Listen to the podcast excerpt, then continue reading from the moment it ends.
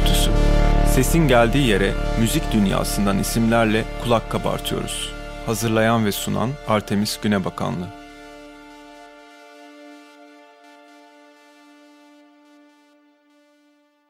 Dip Gürültüsü'ne hoş geldiniz. Ben Artemis Günebakanlı. Müzik sektörünün farklı alanlarından isimlerle sesin kaynağına kulak kabarttığımız seride bugün beni çok heyecanlandıran bir konuğum var.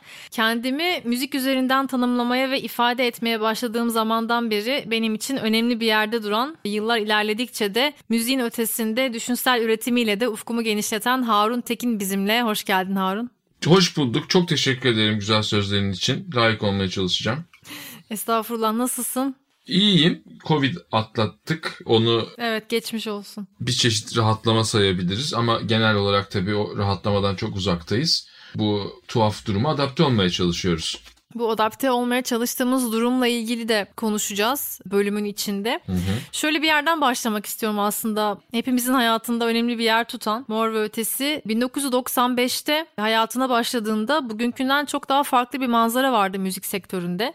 Hı hı. Bağımsız hareket etmenin biraz daha zor olduğu, fiziksel albüm satışının ön planda olduğu, dinleyiciye ulaşmanın yolunun ana akım iletişim mecralarından daha çok geçtiği ama bir yandan da mesela üniversite şenliklerinin Türkiye'nin birçok ilinde gerçekleştiği, açık hava festivallerinin yavaş yavaş hayatımıza girdiği ve alternatif dediğimiz müziklerin daha çok duyulur olmaya başladığı yıllardı. Çok güzel anlattın aynen.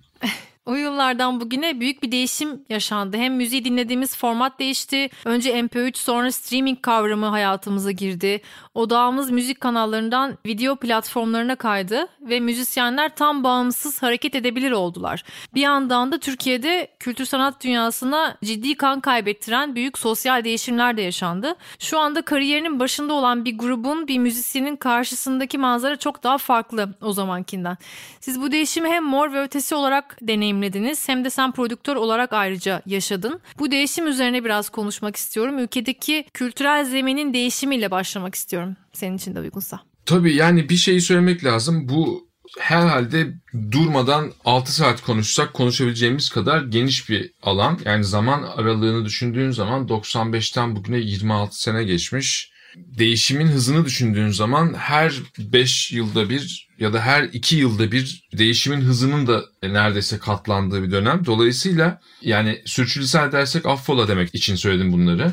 Kültürel değişim ben yani benim en çok ilgimi çeken şeylerden biri olsa da ondan önce bir teknolojiyle ilgili ve o teknolojinin bütün dünya popüler kültürüne yaptığı etkilerle ilgili birkaç şey söylemek isterim. Hı hı. Ki zaten sen de aslında bunları söyledin bir kısmını. Yani bizim başladığımız dönemdeki vurgu daha çok yani işte kaset CD plak da değil. Kaset ve CD üzerinden yani hard copy olarak müziğin yayılımı ve bütün geri kalan her şeyin de biraz buna göre endeksli olduğu bir şeydi. Bir evrendi. Fakat dediğin gibi mesela bir kendi müziğini yapmakta ısrar eden indie bir grubun ortaya çıkması için şartlar belki şu ana göre daha zor ama ortaya çıktıktan sonra bir şeyleri doğru yaparsa daha kalıcı olması için belki biraz daha uygundu. Onu da şuna bağlıyor biliyorum aslında. Hem datanın çoğalmasına tabii yani şu andakine göre biraz daha az müzik vardı dersem yani e, daha doğrusu erişilebilir müzik daha az bir şey olmuş oluyor. Evet. Siz şimdi şö- şöyle düşünün bir öğrencisiniz ve çok şanslıysanız işte ayda bir iki tane albüm alabilirsiniz. Buna para ayırmanız lazım ve bunu seçmeniz lazım. Eğer siz müzikle ilgilenen birisiyseniz hele yani gidip hiç dinlemeyeceğiniz bir albüme para vermek istemezsiniz sınırlı öğrenci bütçenizde. Bu da sizi belli bir türe doğru itekleyen bir dinamik aslında. Yani ben bizim metalci çocukların sevdiği bir albümü veya o grubun yeni albümünü almayı bir tane bilmediğim bir işte caz albümünü almaya tercih edebilirim gibi sonuçları olan bir şey. Şimdiki duruma kıyasla tabii bu çok çok başka bir dünya. Şu anda ise bir albüm o zamanki bir albümün ederi olan diyelim ki para karşılığında dünyadaki neredeyse bütün müziğe erişiminiz olan yasal işte müzik platformları var. Fakat orada da bu sefer başka bir dikkat meselesi devreye giriyor. Yani herkes kendi müziğini oraya rahatlıkla bir şekilde ulaştırabiliyor ama oradaki müziklerin ne kadarı milyonlarca dinleyici için gerçekten görünür durumda Bu da ayrı tartışmaların konusu bilindiği üzere. Evet her mecra Hı. kendi eşik bekçilerini yaratıyor yine yani. O tarafta çok yeni yapılar çıkıyor ortaya. Yaratıyor işte. ama o da hep benim yıllar içerisinde artık öğrendim diyebileceğim bir şey var. Biz bu özellikle indie, alternatif ve böyle daha o merkezin dışında olan ya da o merkezin dışından seyahatine başlayanlar için o eşik bekçileri belki dediğin gatekeepers mi onlar? Yani o Evet. O sanki ne olursa olsun orada ne yani musluğun başını tutmuş mu diyeceksin ne dersen işte on evet. Onları açıklamamız lazım. Yani o sadece birilerinin kurnazlığı, birilerinin işte ne bileyim ben kötülüğü falan diye insan onu kodlamaya çok meyilli oluyor ama orada birazcık şeyi görmemiş oluyoruz. Yani kitlelerin davranışlarını da hesaba katmak gerekir. Ve müziğin çok farklı fonksiyonları var ama gerçekten eğlence diye tabir edebileceğimiz fonksiyonu genel olarak öbürlerinin ötesine çıkabiliyor yani. Bunu kabul etmek lazım. Bunu da kabul ettiğinizde üstüne üstlük bir de herkesin aynı pazarlama becerisine sahip olmaması da çok normal. Bunu yani müziğini tanıtmak olarak söylüyorum ama mizaç olarak da değerlendirebilirsiniz. Yani bir müzisyenin aslında kendi müziğini anlatmaya ihtiyacının olması bile problemli bir durum tabii ki. Ama vaka böyle bir durum var. Ve bu durumda da içe dönük insanlar genellikle ya da huysuz insanlar ne bileyim yani ya da işte sabırsız insanlar filan dezavantajlı oluyor. Daha evet. minnoş bir iletişim bekleniyor genel olarak. Daha güler yüzlü, ne bileyim ben pozitif falan gibi şeyler. Dolayısıyla sadece böyle sistemlerin suçlu olduğu bir anlatıya da kendimizi sıkıştırmamamız lazım. O zaman çünkü gerçeği anlamakta çok başarılı olmamış oluyoruz ve oradan da çıkardığımız sonuçlar da doğru olmuyor. Ne demek istediğimi belki biraz daha ayrıntılandırabilirim örneklerle. Yani biz çıktığımız zaman dedin hani yol üzerinde gördüğüm çok komik bir şey oldu. Ben şimdi Koray'la bizim Koray Can Demir'le ilk karşılaşmamızı anlatacağım. Senin için de dinleyicilerimiz için de eğlenceli olacağını umarım. Hı hı. Stüdyo 18 çift havuzlarda yani bilenler için oradaki 18 Mart mahallesinde bayağı cadde üstünde bir e, çok değerli bir stüdyodur. Orada biz prova yapardık ve bir gittiğimizde 97 olması lazım. Kargoya rastladık. Yani Mor ve Kargo kadroları karşılaşmış oldu. 97'nin atıyorum bu Eylül'ü mü artık? Ve bu karşılaşmada bizim Koray'la ki artık kardeşim hani beraber her şeyi yaptığımız ve şu anda hani ortak bir projemiz var. İşte Dastas'ta beraberiz. Hani her şeyimiz yani bir kardeş gibi olduğumuz diyeyim. Yani Koray'la o ilk karşılaşmamızdaki hissim benim. Ya bunlar da işte böyle hani rock grubu ama çok poplar be kardeşim yani çok düzen içinde bir şey olur mu böyle falandı ve Koray da benimle karşılaşmasını karşıyız karşı her şeye karşı şeklinde anlatıyor. e tamam yıllar içerisinde böyle bu kadar da farklı olunmadığı anlaşıldı. Yani ne biz o kadar zıp çıktıymışız ne onlar o kadar mainstreammiş. Ama bize karşılıklı görünen şey neredeyse ayrı canlı türleri gibiydi yani. Bunlar çok böyle yakışıklı, iyi giyimli. Hatta o da Koray'la Serkan'ın boylu poslu olması Mehmet'in de yüzünden. Ya iri de yarı böyle tipler. Biz de böyle daha ne bileyim sinirli kalıyorduk yani. Fakat bu işte şey değil yani olayın özüyle ilgili bir bir şey söylüyor mu ondan emin değilim. Bu çok daha büyük resimde bütün müzisyenler birbirlerine zannettiklerine çok daha benzer özellikler gösteriyorlar. Esas farklılık hani daha ziyade müzisyenlerle başkaları arasında bir farklılık olabiliyor. Eğer illa onu da arayacaksak. Diyerek şeyi anlatmaya çalışıyorum. Yani bir, bir şarkı eğer popülerse kötüdür diye bir şey denemez. Çünkü belki de iyidir. Yani bunun bizim gibileri daha çok ilgilendiren tarafı, daha çok ıskaladığımız tarafı şu.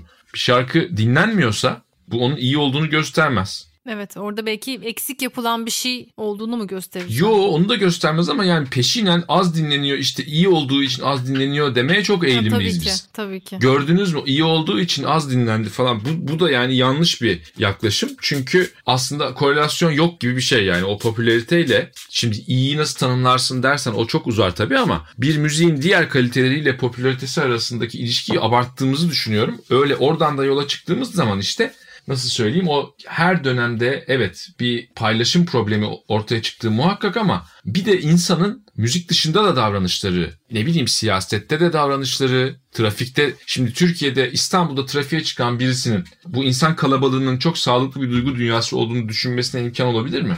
Evet. E, o zaman o, bu insanlardan biz müzik dinlerken sadece adil olmalarını bekliyoruz? Hı, anladım evet. O da olmayacağına göre oralara çok takılmamak lazım demeye çalışıyorum kibarca. Kitlesel davranışlar derken tam olarak neden bahsettiğini söyleyecektim ama onun ipucunu burada vermiş oldun zaten. Yani çok indirgeme ve sabırsız analizlere şeyiz biz. Yani duygularla iş yaptığımız için olsa gerek müzisyenler ve müzik insanları genelde bir noktada ee yeter falan deyip bir tane böyle bir sonuç cümlesi ortaya koymaya çok istekli oluyorlar haklı olarak. Ben de ondan biraz yoruldum ama. Yani ben daha anlamakla ilgilenmek gerektiğini düşünüyorum son zamanlarda. Özellikle çok vaktimiz oldu tabii çalmayarak. evet. Fakat e, senin sorudan nerelere geldik? İşte benim problemim de bu 5 dakika konuşurum susmam demiştim sana ben.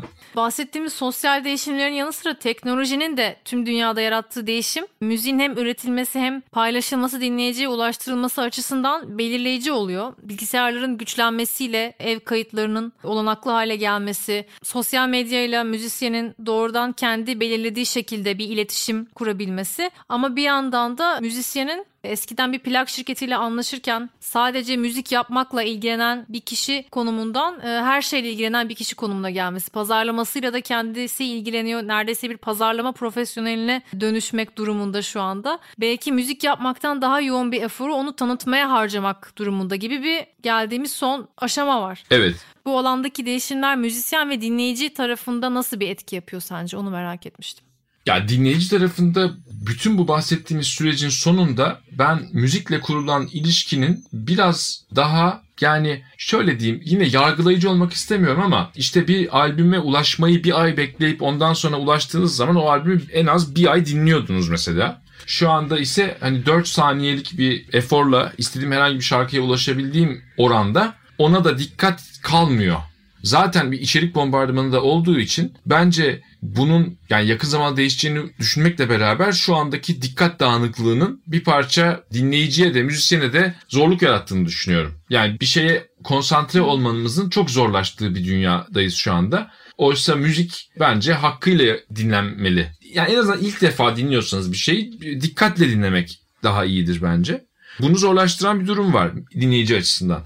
Müzisyen açısından takip etmeye ve anlamaya çalıştığım şeylerden bir tanesi de bu. Daha önce çok sınırları belli bir aktiviteydi. Müzisyenin müzik dışı işleri. Evet. Burada sizin işte bir basın danışmanınız olabilirdi. İşte ne bileyim menajer denen bir şey olurdu. Bu da hani para pul işlerine bakar falan. Yani çok lazım olursa bir avukat yani Türkiye özelinden ve hani dünyadaki genel olarak çok başarılı olmamış sanatçıların yani öyle hani işte nasıl söyleyeyim Metallica ya da Tarkan ya da işte Celine Dion ya da ne bileyim yani örnek vermek yani bir sürü öyle var ya yani çok büyük bir ekonomiye hükmetmeyen bölümü için hı hı. müzik dünyasındaki sanatçıların az önce saydığım gibi bir şey vardı. Bundan ne bileyim 10 yıl öncesine kadar filan. Yani menajeri olanlar da yani çoğunlukta değildi hatta. Ama şu anda bu işin yani ne kadar farklı sayıda uzmanlık alanıyla ilişki içinde olduğunu sen benden daha iyi biliyorsun muhtemelen. Ve bunların her biri için bir sanatçının bütçe, zaman ve iş gücü ayırma şansı da çok yok aslında. Evet. Dolayısıyla burada enteresan bir dinamik devreye giriyor. Yani hatta şöyle söyleyeyim. Siz şimdi bunu diyelim ki do it yourself geleneğinden geliyorsunuz ve her şeyi kendiniz yapıyorsunuz. Zaten de kendi yayınlarınızı kendiniz yapıyorsunuz falan filan hani elle yaptığınız şapkalar satıyorsunuz falan atıyorum yani.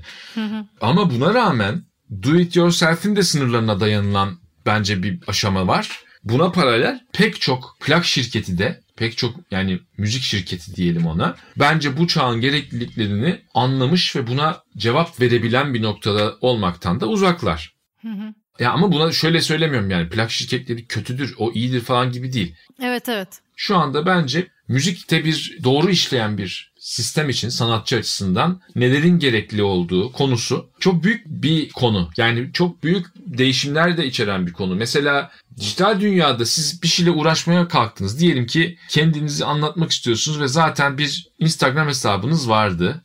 Twitter'dan biraz uzak durmaya çalışıyordunuz haklı olarak. Facebook'ta zaten işte halalar var falan ama şimdi Clubhouse çıkıyor bir gün ve orada olmalı mısınız? Yani bakıyorsunuz biraz belki. Sonra işte zaten Twitch diye bir şey vardı. Onda da olmalıydınız ama siz müzisyensiniz. Ne yapacaktınız orada? Kimileri var ama arkadaşlarınızdan iyi şeyler yapıyorlar. Evet. E bir de bakıyorsunuz TikTok geldi. Şimdi şöyle bir problem çıkıyor. Yani ideal olarak bunların hepsinde de var olmanız gerekir. Fakat bunların hepsinde o mecralarda görgüsüz olmayacak şekilde var olabilmek için zaman ayırdığınızda zaten başka bir şey yapamazsınız. Evet bir de her mecranın kendine özgü bir işte içerik dili olduğu için Hı hı. e, mecraya özgü içerik üretmek gerekiyor vesaire. Evet. Bu başlı başına bir mesai, bir meslek aslında. Dolayısıyla bu konu müzisyeni oldukça ciddi etkileyen bir konu.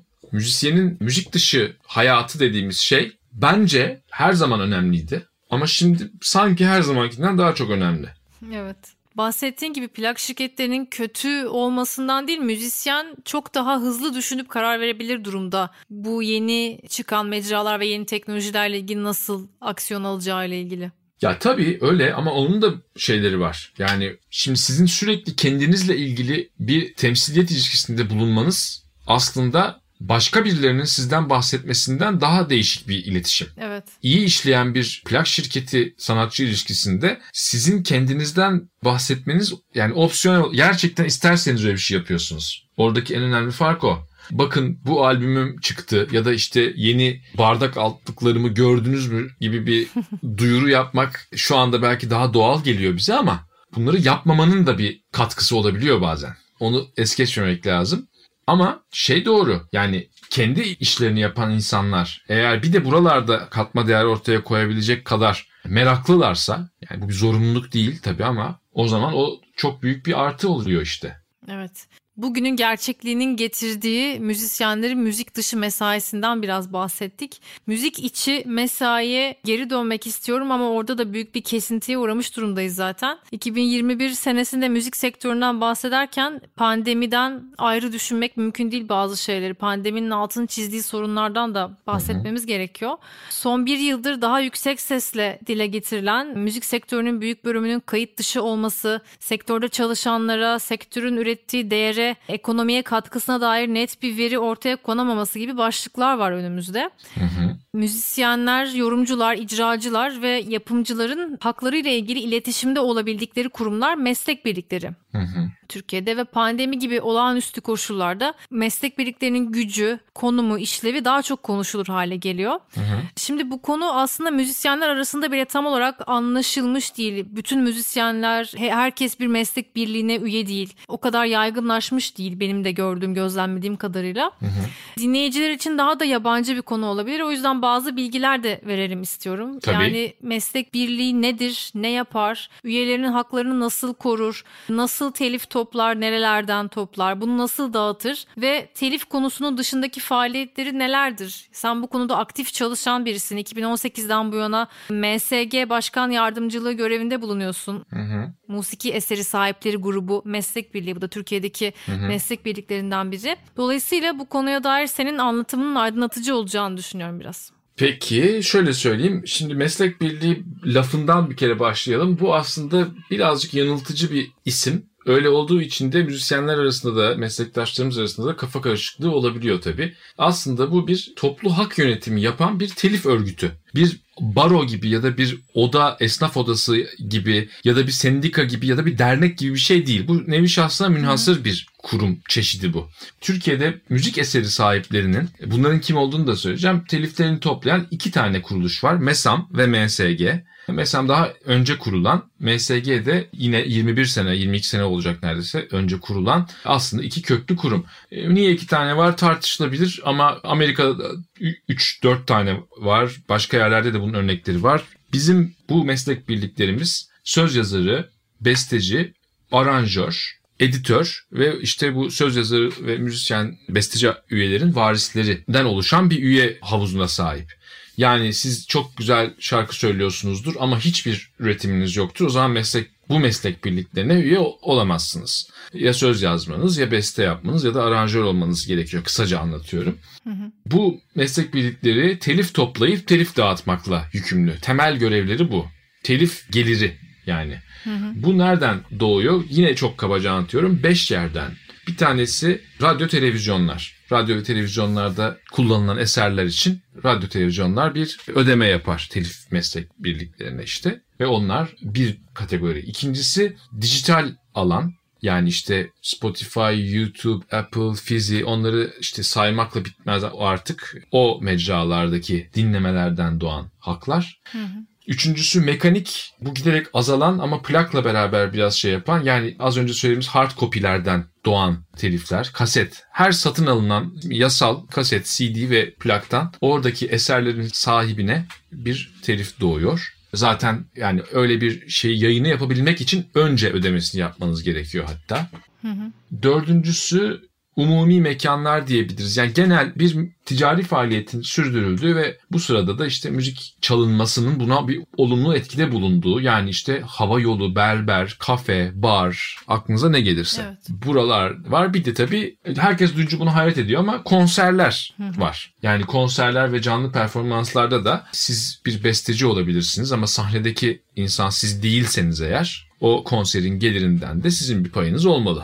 E, şimdi böyle bakıldığı zaman aa ne kadar çok kategori varmış gelirler yağıyor olmalı diye düşünebilirsiniz. Fakat Türkiye özelinde Lakin ki Türkiye öyle özelinde değil. öyle değil. Bunun çeşitli sebepleri var ama çok uzatmak istemiyorum. En önemlilerinden bir tanesi telif bilincinin çok oturmuş olmaması genel toplum nezdinde. Bir tanesi belki yasaların caydırıcılığıyla ilgili diyebiliriz ama o da bence Birazcık burada yaya geçidi metaforunu düşünebilirsiniz. Türkiye'de yaya geçidinde yasalara göre arabalar yayalara yol verir ama bildiğimiz gibi Türkiye'de yaya geçidinde yayalar arabalara yol verir. Dolayısıyla hı hı. doğru yasal zemin hiçbir zaman her şeyi halletmiyor.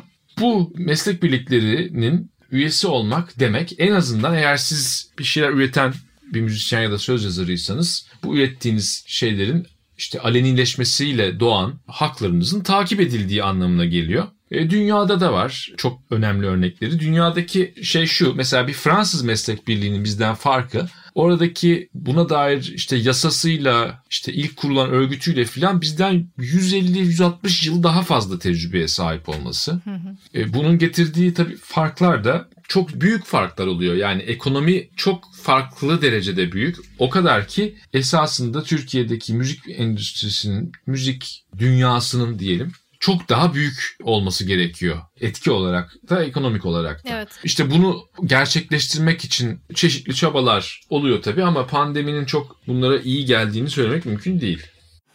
Sen aslında çok hani detayına girmeyeyim dedin ama benim merak ettiğim şeyler arasındaydı. Çünkü nüfusu Türkiye'den kat kat küçük olan ülkelerin aslında toplayabildiği telif gelirinin bizden daha çok olduğu örnekler de var benim bildiğim kadarıyla. Hı hı. Ve burada hani telif bilinci demen önemli bir şey çünkü o sanki şununla da ilgili gibi geliyor bana biraz. Özellikle işte yine pandemi döneminde ortaya çıkan müzisyenlere yönelik siz de işte çok kazandınız biraz biriktirseydiniz kenarda canım hani zaten Hı-hı. sefa içinde yaşıyorsunuz gibi bir yanlış şey var ya yanlış bakış açısı. Evet. Biraz bilmemekten de kaynaklı. Sanki onunla da birazcık teması varmış gibi geliyor. Yani fikirsel üretimin sanatsal üretimin çok emekle iç içe düşünülmediği ve sanki işte böyle bir gelip geçici eğlenceli ama çok para getiren bir şey gibi düşünülmesinden de mi kaynaklanıyor acaba?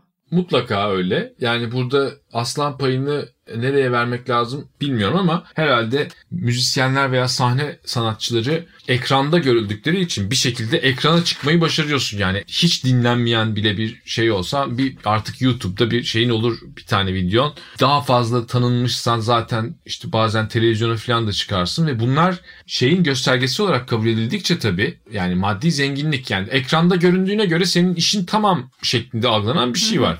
Bu özellikle müzisyenler ve oyuncular için çok geçerli. Çok üzücü bir şey tabii. Bir yandan bizim işimizin doğasında bir şey var. Yani sahne ışıkları dolayısıyla bir illüzyon yaratma ve insanı gerçekten koparma iddiası ya da o sıradaki gerçeği eğip bükme iddiası tabii ki var. Hı hı. Bu açıdan belki başarılı olmuşuz ki bizi öyle zannediyorlar da demek mümkün. Ama iş gerçek dünyaya, gerçek hayata geldiği zaman bir tane daha problem var. Bu işlerle uğraşan insanların bunları iş olarak yaptıklarına dair büyük bir direnç var. Yani bunu kabul etmiyor insanlar. Evet. Türkiye'de bu böyle bir iş yani mesela müzisyenim peki ne iş yapıyorsun? Bunu duymuştur bir sürü genç müzisyen. Yani ben evet, evet. müzik yapıyorum peki ne iş yapıyorsun? bunu bir meslek olarak görülmemesi, bir iş kolu olarak görülmemesi, ekonomik bir faaliyet gerektiğini bu insanların hayatında düşünmemek falan bunlar bence doğrusu toplumun sanatçıya gösterdiği bir hoyratlık olarak düşünüyorum ben.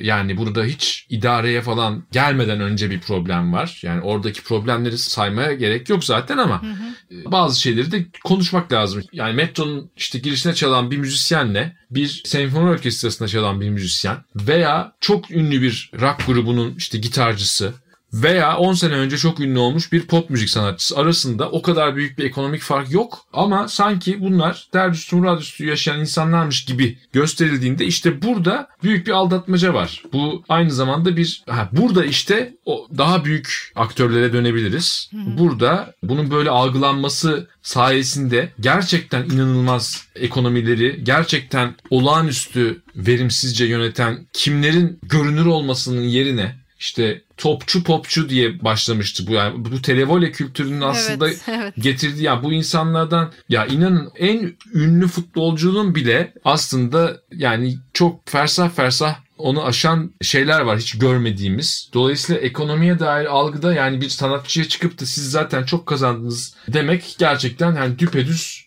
cahillik oluyor. O da sık rastlanan bir hoyratlık oluyor.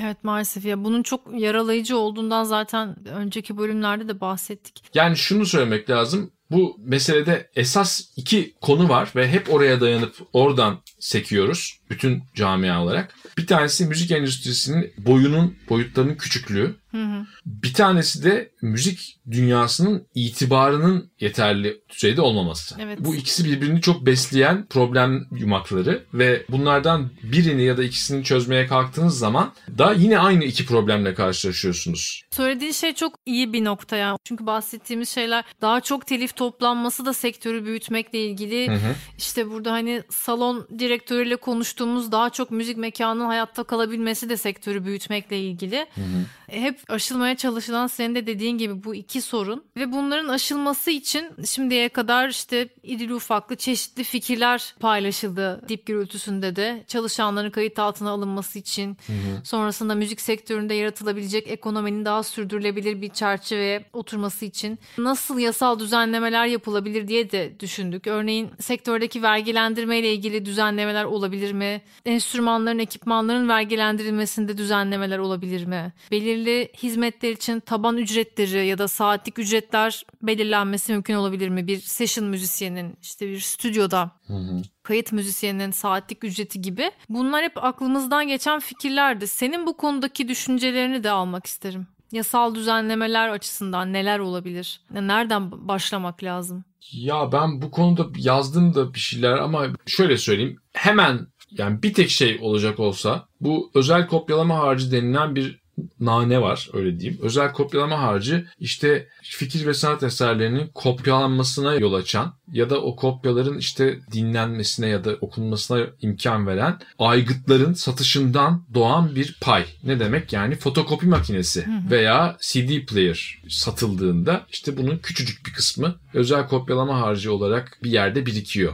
aslında. Ve bunun da dünyada çeşitli uygulamaları var ve şu anda işte MÜYAP, MÜYOR bir MSG, MESAM olarak müzik meslek birlikleri dünyadaki özel kopyalama harcı mevzuatını da inceliyorlar. Çünkü bu aslında çok önemli bir çıkış kapısı. Çünkü çeşitli uygulamalar var ama Türkiye'de mesela cep telefonu sanıyorum o sisteme dahil değil ama her satılan cep telefonundan küçücük bir meblağı bile ayırabilecek olsanız o bambaşka bir şeye denk geliyor. Hı. Şöyle bir örnek vermek istiyorum. Bu Fransa'daki bizim kardeş meslek bildiğimiz SASEM'in bir yılda sadece bu kategoride topladığı gelir 2019 senesinde 100 milyon euro civarıydı. Bu bizim şu andaki bütün telif işte ekonomimizin diyelim birkaç katına denk geliyor. Hı hı. Hemen gerçekleşecek bir ideal değil belki ama yani çok da mantıklı bir şekilde aslında her türlü teknolojik veri paylaşımına yol açan ürünün küçücük bir payının sanatçılara ayrılması benim ilk ve en acil hı hı. önerim olurdu. Ama ondan sonra şunu da eklerdim. Aslında böyle önerilerle ve böyle şunu düzeltelimle falan değil de gerçekten Türkiye'den dünyaya doğru bakan ve iddialı ve güler yüzlü bir kültür politikasına ihtiyacımız var. Evet. Bu genel çerçeve olmadıktan sonra çok kolay değil yani minik minik bir takım düzelmeler olabilir tabii ama yani en üzücü olan şey üstünde oturduğumuz yer aslında dünyaya söyleyecek çok fazla şeyi olan bir yer. Burası çok iyi sanat eserleri çıkartan çıkartacak da bir yer. Yani bir dünya ile tekrar konuşur hale gelmek ve birazcık daha muasır medeniyetin içinde yer almak ve hissetmek bence pek çok şeyi kendiliğinden daha hızlandıracaktır. Ve onun için de bence şimdiki ne diyeyim o 30 yaş altındaki bütün kültür sanat üreticilerinin daha taze bir kafayla bu işlere birazcık kafa yormalarını ben çok önemsiyorum aslında. Kesinlikle öyle düşünüyorum ben de. Pandemi döneminde çevrim içi biletli ve sponsorlu konserler hayatımıza girdi. Hayatımızdan aldıklarının yanında hayatımıza kattıkları da var. Sen de bu çevrim içi biletli konserlerin öncülerinden oldun aslında. 2020 Haziran'ında Hı-hı. böyle bir konser gerçekleştirdin ve Türkiye'de bu modelin en başarılı örneklerinden biri oldu. Çevrim içi biletli konserlerin sürdürülebilir olduğunu düşünüyor musun ve buradan bir ekonomi yaratılabilir mi sence onu merak ediyorum.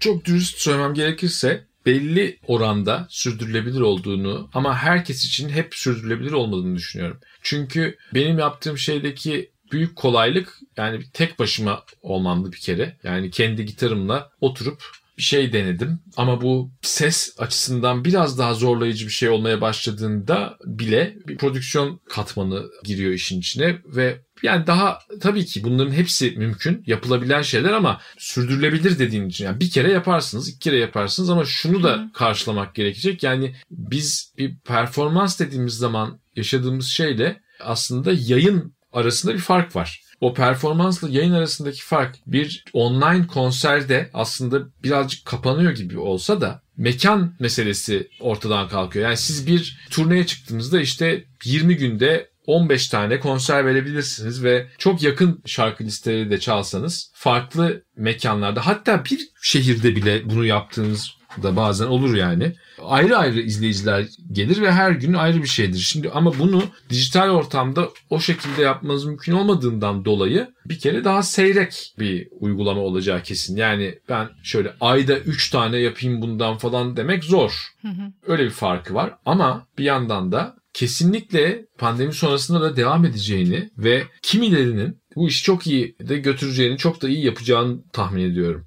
Birazcık çünkü nasıl diyeyim deneyim tasarımına doğru gidecek tabii bu olay ve bakmayın yani tabii ki bir konser salonunda olmanın keyfi başka ama bir de hani evdeki konforla gerçekten canlı olan bir şeye hem de ona müdahale ederek izleyebilmenin de çağa daha yakın bir yanı olduğunu söylemek lazım. Hı hı. Bakalım ne olacak? Ben de çok bilmiş bilmiş konuşmayayım. Ama şeyi söyleyeyim. BTS'nin yaptığı bir konser oldu. Sanıyorum geçen sene sonlarına doğru muydu? Ya da ortasında mı? Yani ama bir şey yani bir Koreli müzik grubu bu işi mantıksal sınırlarına doğru zorladı yani. Arzu edenler bakıp o konserin sayılarına işte bakabilirler yani. Şimdi biraz en başta konuştuğumuz konuya döneceğim. Mor ve Ötesi'nin kariyerine başladığı zamanla bu zaman arasında çok fark var dedik ya. Hı hı. Bugün başlıyor olsaydı, yolun başında olsaydı bugün Mor ve Ötesi tüm ekip için müzik temelli bir ekonomi kurabilmek adına atacağı ilk adımlar ne olurdu sence? Bugün derken o güne tekrar dönmek gibi değil de biz o yaşlarımızda bugün başlasaydık. Bugün başlasaydınız evet.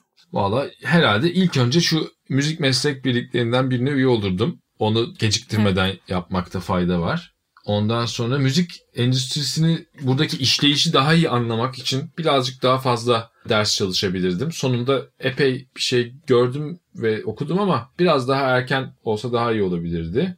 Ama onun dışında çok da yani şöyle yapardım böyle yapardım diyemiyorum. Çünkü kendimi çok yani Hazreti Google'ın yani Google'da de, der ya öyle kendimi şanslı hissediyorum gerçekten. yani kendi müziğini yapıp sadece kendi sevdiği şeyleri yapıp hayatını müzikten sürdürebilen çok çok çok az sayıda müzisyen arasındayız biz Türkiye'de ve dünyada. E, bu bir şans. Yani bu bir şans derken bu gerçekten şunu da dinleyenler arasında müzisyenler olduğundan hareketle söylemek istiyorum. Özellikle hani konuştuk ya işte müzik meslek birlikleri ne yapar falan diye biz işte bir projeye giriştik. Müzik kütüphanesi diye can yayınlarıyla ortak bir şey başlattık. Önemli müzik kitaplarını Türkçe'ye çevirmeyi düşündük ve şu ana kadar 3 tane böyle yayınımız oldu. Bunlardan ikincisi çok da yeni bir kitaptı. 2019 tarihli Rockonomics Onu Türkçe Ergin Özler müzikonomi diye çevirdi ve müzik ekonomisiyle ilgili epey iyi bir kitap. Hı hı. Ve bir ekonomi profesörünün ve bayağı çok yüksek düzeyde bir ekonomi profesörünün yazdığı bir kitap bu. Onun da söylediği ve hesaba katmamız gereken çok önemli bir şey var. Şans faktörü çok önemli. Yani evet. bütün bu konuştuklarımız, planlarımız hepsi var ama yani bunu söylemek bir şey olarak anlaşılmasın. Bu bilimsel olarak söylenen bir şey. Yani kader kısmetten bahsetmiyoruz. Gerçekten müzik ekonomisi üzerine çalışan insanların söylediği bir şey bu. Yani müzikte başarıyla ilgili bir şey söyleyecekseniz bunu önemli bir kısmının yani kimileri %50'ye yakın oranlar veriyor yani. Önemli bir kısmının şansla ilişkili olduğunu ki yani futbol seversiniz sevmezsiniz ama futbolda analitik çalışmalara, veri analiz çalışmalarına çok daha fazla konu olan bir alan geçtiğimiz 10 yılda. Orada daha da ciddi bir durum var. Yani bütün olup bitenleri araştırıyorlar işte 90 dakikada paslar, şutlar bilmem neler falan alanlar. Şans denilen şeyi hiçbir zaman şeyden çıkartamıyorsunuz. Ne derler o denklemden. E, bunu kabul etmenin önemli bir yanı var ama. Yani onu söylemek istiyorum. Yani bu hı hı. işimiz şansa bağlı demek istemiyorum şunu demek istiyorum. Şansa bağlı olmayan her şeyi çok iyi yapmak lazım demek istiyorum aslında. Evet. Benim notlarım arasında şöyle bir şey var. Şimdi Wired dergisinin kurucularından Kevin Kelly 2008'de yazdığı bir makalede bin dinleyici teorisini ortaya atıyor. Bunu bugünün dünyasında belki bin sıkı takipçi gibi güncelleyebiliriz. Hı hı. Onun teorisine göre konserlere gelecek, e, çıkarılan bütün resmi ürünleri alacak. Bin kişi varsa grubun yanında artık o grup işinden ayrılıp müzikle geçinmeye başlayabilir diyor. Bu sonuca tabii her kişiden belli bir yıllık gelir geleceğini hesaplayarak varıyor. A Thousand True Fans Theory olarak aratırsanız aslında bulabilirsiniz makalenin kendisini de. Bu yazının yazıldığı yıl 2008 Spotify'ın faaliyete geçtiği yıl. Yani aslında bildiğimiz dağıtım düzeninin de sona ermeye başladığı bir dönem. Hı.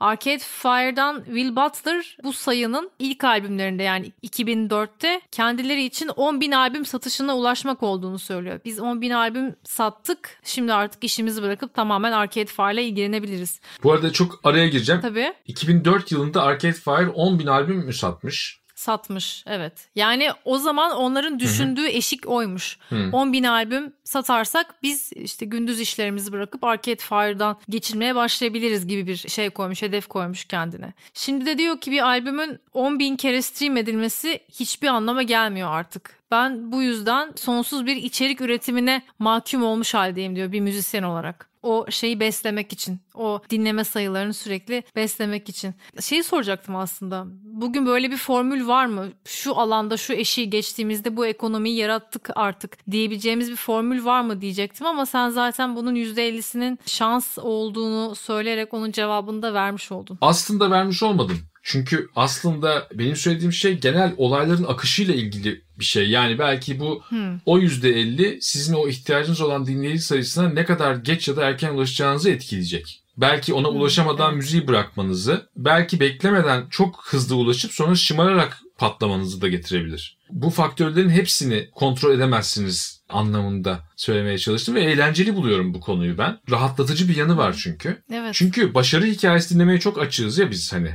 Evet. Şöyle yaptık ondan sonra tabii öyle oldu falan. Ya öyle değil. Yani gördüm biliyorum yani öyle değil. Çok şey yaptığında da olmayabilir. Hiçbir şey yapmazsın bir anda da bir şey olabilir. Arasında da bir sürü seçenek var. Ya bu arada 2004 10 bin diye şundan sordum. Böyle bir minik çok minik bir ukayalık ve şımarıklık yapmama izin verirsen. Estağfurullah. 2004 tarihinde Dünya Yalan Söylüyor bizim dördüncü albümümüz çıktıktan sonraki iki sene içinde 300 bin kopya satmıştı. Onu da bir araya sıkıştırmış olayım. Burada bir formül üretmek gerçekten kolay değil çok doğru söylemiş yani tabii ki 10 bin stream ile 10 bin albümün geliri arasında karşılaştırılamaz bir fark var ama buradaki çözümün bu streaming platformlarının daha adil paylaşımları mümkün kılmasıyla ben pekala yani çözüm olmasa da bir iyileştirmenin mümkün olduğunu düşünüyorum. Bu streaming platformları üzerine yapılan tartışmalarda evet. iki ana aks var. Bir tanesi maksimalist diyebiliriz ona. Yani kahrolsun kabul edilemez şeklinde. bir tanesi de ya tamam tabii iyi oluyor da yani şuna bir baksak olmaz mı? Şurası da kötü kardeşim bunun gibi. Ben biraz ikinci şeydeyim. Çünkü Evet. Çünkü bu bu teknolojinin yani bize sunduğu şeyi şöyle düşünüyorum. Yani İskenderiye Kütüphanesi'nin ya da işte ne bileyim istediğiniz bütün kitapların elinizin ucunda olması gibi bir şey hala olamadı ya internet. aslında. Ama müzikte neredeyse oldu. Ve bu Evet. yani bu önemli bir şey. Fakat buradaki gelir paylaşımını kesinlikle yeniden düşünmek gerekiyor ve kesinlikle eser sahibinin lehine çok ciddi düzeltmeler yapılması gerekiyor. Bu yüzde yüz yani bunda en ufak bir şey yok. O zaman şunu da rahatlıkla diyebilirim. Ya tabii ki 10 bin stream 10 bin albüm etmiyor ama 1 milyon stream işte kesinlikle dünyanın her yerinde 10 bin albüm satmış kadar olur diyebildiğimiz zaman ya da sayıları atıyorum şimdi ama hani neden öyle söylediğimi de söyleyeyim. Bir albüm aldığınız zaman bir kere dinlemiyorsunuz. Ve Evet. bir albümü aldığınız zaman her dinleme başına bir para vereceğim diye bir... Ya o başka bir hayvan, bu başka bir hayvan. Ama sizi burada mutlu edebilecek çözüm her zaman gelir paylaşımında adalet. Evet ben kesinlikle öyle düşünüyorum. Kapatmadan önce Radiohead'in The Bands'te sorduğu gibi buradan nereye gidiyoruz diye sormak istiyorum ben. Pandemiden çıkış, konserlerin geri dönüşü, müzik endüstrisinin gereksindiği değişimler ve aslında çok daha temelde yapay zekanın artık müzik yapmasının söz konusu olduğu, müziğin ne olduğunun her geçen gün yeniden tanımlanmaya başladığı bir dünyada sence bizi önümüzdeki yıllarda neler bekliyor? Öngörülebilir gelecekte. Bir kere sevgili Radiohead'in The Bands albümüne atıfta bulunman çok hoşuma gitti. Çünkü benim gerçekten yani müzik yapmaya karar vermemi tam olarak borçlu olduğum albüm kendisi. Hı hı. Ve de The Bands vurgun anlamına geliyor. Bayağı denizdeki o vurgun var ya. Evet. Şimdi oradan nereye gideriz sormak için de dolayısıyla iyi bir referans oldu. Çünkü şu anda da dünya müzik endüstrisinin aslında bir vurgun yediği söylenebilir. Hı hı. Bunu tabii daha hızlı toparlayacak olanlar oldu. Hatta Yeni Zelanda falan gördük yani. Toparlamaya başladılar. Evet. Fakat bizim için o kadar hızlı toparlanmayabilecek gibi görünüyor. Her halükarda dünya yani şöyle bir, bir metafor gördüm çok hoşuma gitti. Hepimiz aynı fırtınadan geçiyoruz ama hepimiz aynı gemide değiliz. Hı hı. Biz de biraz zor gemilerden birindeyiz doğrusu. Fakat bu geminin bir avantajı var. Çok komik bir şey bu. Yani birazcık Nasrettin Hoca fıkrası gibi. Nasıl ki bizim inanılmaz özverili sağlık personelimiz normalde de mesai dışı saatlerde çalışmaya ve zor şartlarda çalışmaya alışık olduğu için büyük bir avantaj yakaladı Türkiye. Yoksa çok daha erkenden, çok daha kontrolsüz durumlar olabilecekken sadece çok kaliteli ve fedakar sağlık personelinin zaten normal zamanlarda da kriz şeklinde çalışmasından dolayı şansı vardı. Türkiye'deki müzik endüstrisinde aslında gerektiği kadar büyük olmamaktan dolayı bir şansı var. Yani İngiltere'deki, Amerika'daki, Almanya'daki, Japonya'daki büyüklüklerle kıyaslanmayacak bir büyüklük ve kıyaslanmayacak kadar kişiden bahsediyoruz aslında. Biz maalesef temel bir veriye sahip değiliz ama her türlü yetersiz veri ve her türlü analoji bize Türkiye'deki esas işi müzik ve müzikle ilgili işler olan insanların sayısının 50 bini geçmediğini gösteriyor. Ya bu tabii az önce söylediğim şeye bağlanacak. Düzgün ne yaptığını bilen, önceliklendirmesini iyi yapmış bir kültür politikası için 50 bin kişilik bir komüniteyi yaşar halde tutmak aslında çok büyük problem olamaz. Olmamalıydı Evet. Ve olmayacaktır da. Önümüzdeki dönemde olmayacağını da umuyorum ben. Çünkü başka bir zamana geçildiğini de düşünüyorum. Hani umutlu bir bitiriş olacaksa artık Türkiye'nin ve dünyanın başka bir zamana geçtiğini, o geçilen zamanla adapte olma sancıları çektiğini düşünüyorum. Orada da pandeminin öğreteceği şeylerden belki de en önemlisinin şu olduğunu düşünüyorum. Niye bu insanlar yani bu bu sahne sanatlarıyla uğraşan insanlar, bu müzisyenler falan bunların bizim hayatımızdaki anlam ve önemi nedir? Yani ne oluyor yani? Bunlar müzik yapınca ne oluyor? Bunlar kendilerini mi rahatlatıyorlar? Bunlar bir grup manyak mı? Bunlar olmasa da olur mu? Falan gibi sorulara şöyle cevap verebileceğini düşünüyorum. Bu hepimizin artık maddi, manevi, mental olarak aşırı zorlandığı bu süreçte müzik olmasaydı ne halde olurduk diye düşünelim. E, Bence bunu çok sezgisel bir düzeyde anlamış olmalı dünya halkları. Hem yani canlı performansın ne ifade ettiği, işte bir müziği bir birlikte insanların paylaşmasının ne ifade ettiğini, dinlediğimiz müziklerin bize ne kattığını, bu hayattaki bu müziğin şifa gücünü falan anlamış olmamızı umuyorum. Çünkü bizim şu anda üçlü bir derdimiz olacak. Pandeminin kendisi bir sağlık sorunu, çok büyük bir sağlık sorunu. Bunun yarattığı bir ekonomik buhran var. Daha çok küçük bölümünü gördüğümüz. Ama belki bunların ikisinden de daha sert geçecek olan şey şu. Çok büyük bir akıl sağlığı salgınının arifesindeyiz. Evet. Ve bunu kültür, sanat ve bilim olmadan insanlığın bunu atlatma ihtimali yok. O zombi filmlerinde gördüğümüz sahneler var ya Hı hı. ben onları hiç anlamazdım. Birazcık da belki hayal gücüm mü acaba eksikmiş? Şey diye düşündüm ya bu insanlar niye yani öldükten sonra dirilip birbirlerini ısıran insanlar metaforu ne anlatıyor olabiliri? Ben bu pandemi zamanında anladım ve hayatta oldukları halde birbirini ısıran insanlardan bahsediyorum. Bu bizim öfkelenmemizi gerektiren o kadar çok şey var ki bir noktadan sonra öfkelenmiş insanların daha iyi yönetilebileceği bile fark edilmiş olabilir. Dolayısıyla sakin, sabırlı ve böyle düşünceye itibarını geri veren, böyle her şeyi duygulardan ibaret görmeyen, ben hissettim demek ki doğrudur gibi yapmayan sakin ve sabırlı bir akla ihtiyacımız olduğunu düşünüyorum. Bu sırada çok güzel müzikler dinlemeye. Bence umut verici bir bitiriş oldu. Umarım yani. Kimisi de diyordur ki yani daha artık karanlık bir tablo çizmeseydiniz ama en azından ileriye dair umudumuz olduğunu söylemek için şimdiki durumun da çok parlak olmadığını kabul etmek lazım. Evet. Tabii ki umut da şöyle bir şey, opsiyonel bir şey değil. Çünkü insanın macerasına baktığınız zaman da pek çok açıdan pek çok problemi halledebilmiş. Bazı yerlerde çok tıkanan ama belli ki bir takım becerileri olan bir varlık. Ben bölümleri bitirmeden önce konuklarıma şunu soruyorum her zaman. Dinleyiciler bu bölümü bitirdikten sonra açıp hangi şarkıyı dinlesinler? Sana da onu sormak istiyorum. Kendi şarkılarımızdan mı söyleyeceğiz şimdi Ne yoksa öyle yapınca yok. görgüsüz mü olur? Ne, oluruz acaba? ne istersen canım ne istersen söyleyebilirsin. Hmm, bu bölüm bittiğinde ne dinlesinler?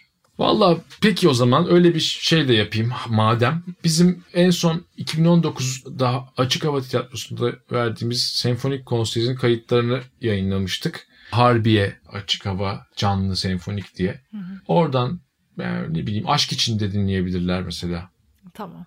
Böyle sadece bir şarkı önermek de beni hep şey yapıyor böyle bir küçük hissettiriyor. Dolayısıyla mümkünse eğer bir iki saat sevdikleri ne varsa onu dinleyip telefonlarını da uçak moduna alsınlar demek de istiyorum. Tamam güzel. Harun Tekin Dip Gürültüsü'nde bizimle olduğun için çok teşekkür ederim. Ben teşekkür ederim. Güzel bir sohbetti. Ben teşekkür ederim. Sürçülisan etsek affola. Biraz bazen ayrıntılarla çok yormuş olabilirim sizi ama sorulunca hakkıyla açıklamak için bazen uzatıyorum. Büyüyünce daha kısa konuşacağım. Benim için çok aydınlatıcı oldu. Dinleyenler için de bence çok keyifli olmuştur. Dip Gürültüsü'nün sonraki bölümünde görüşmek üzere. Hoşçakalın.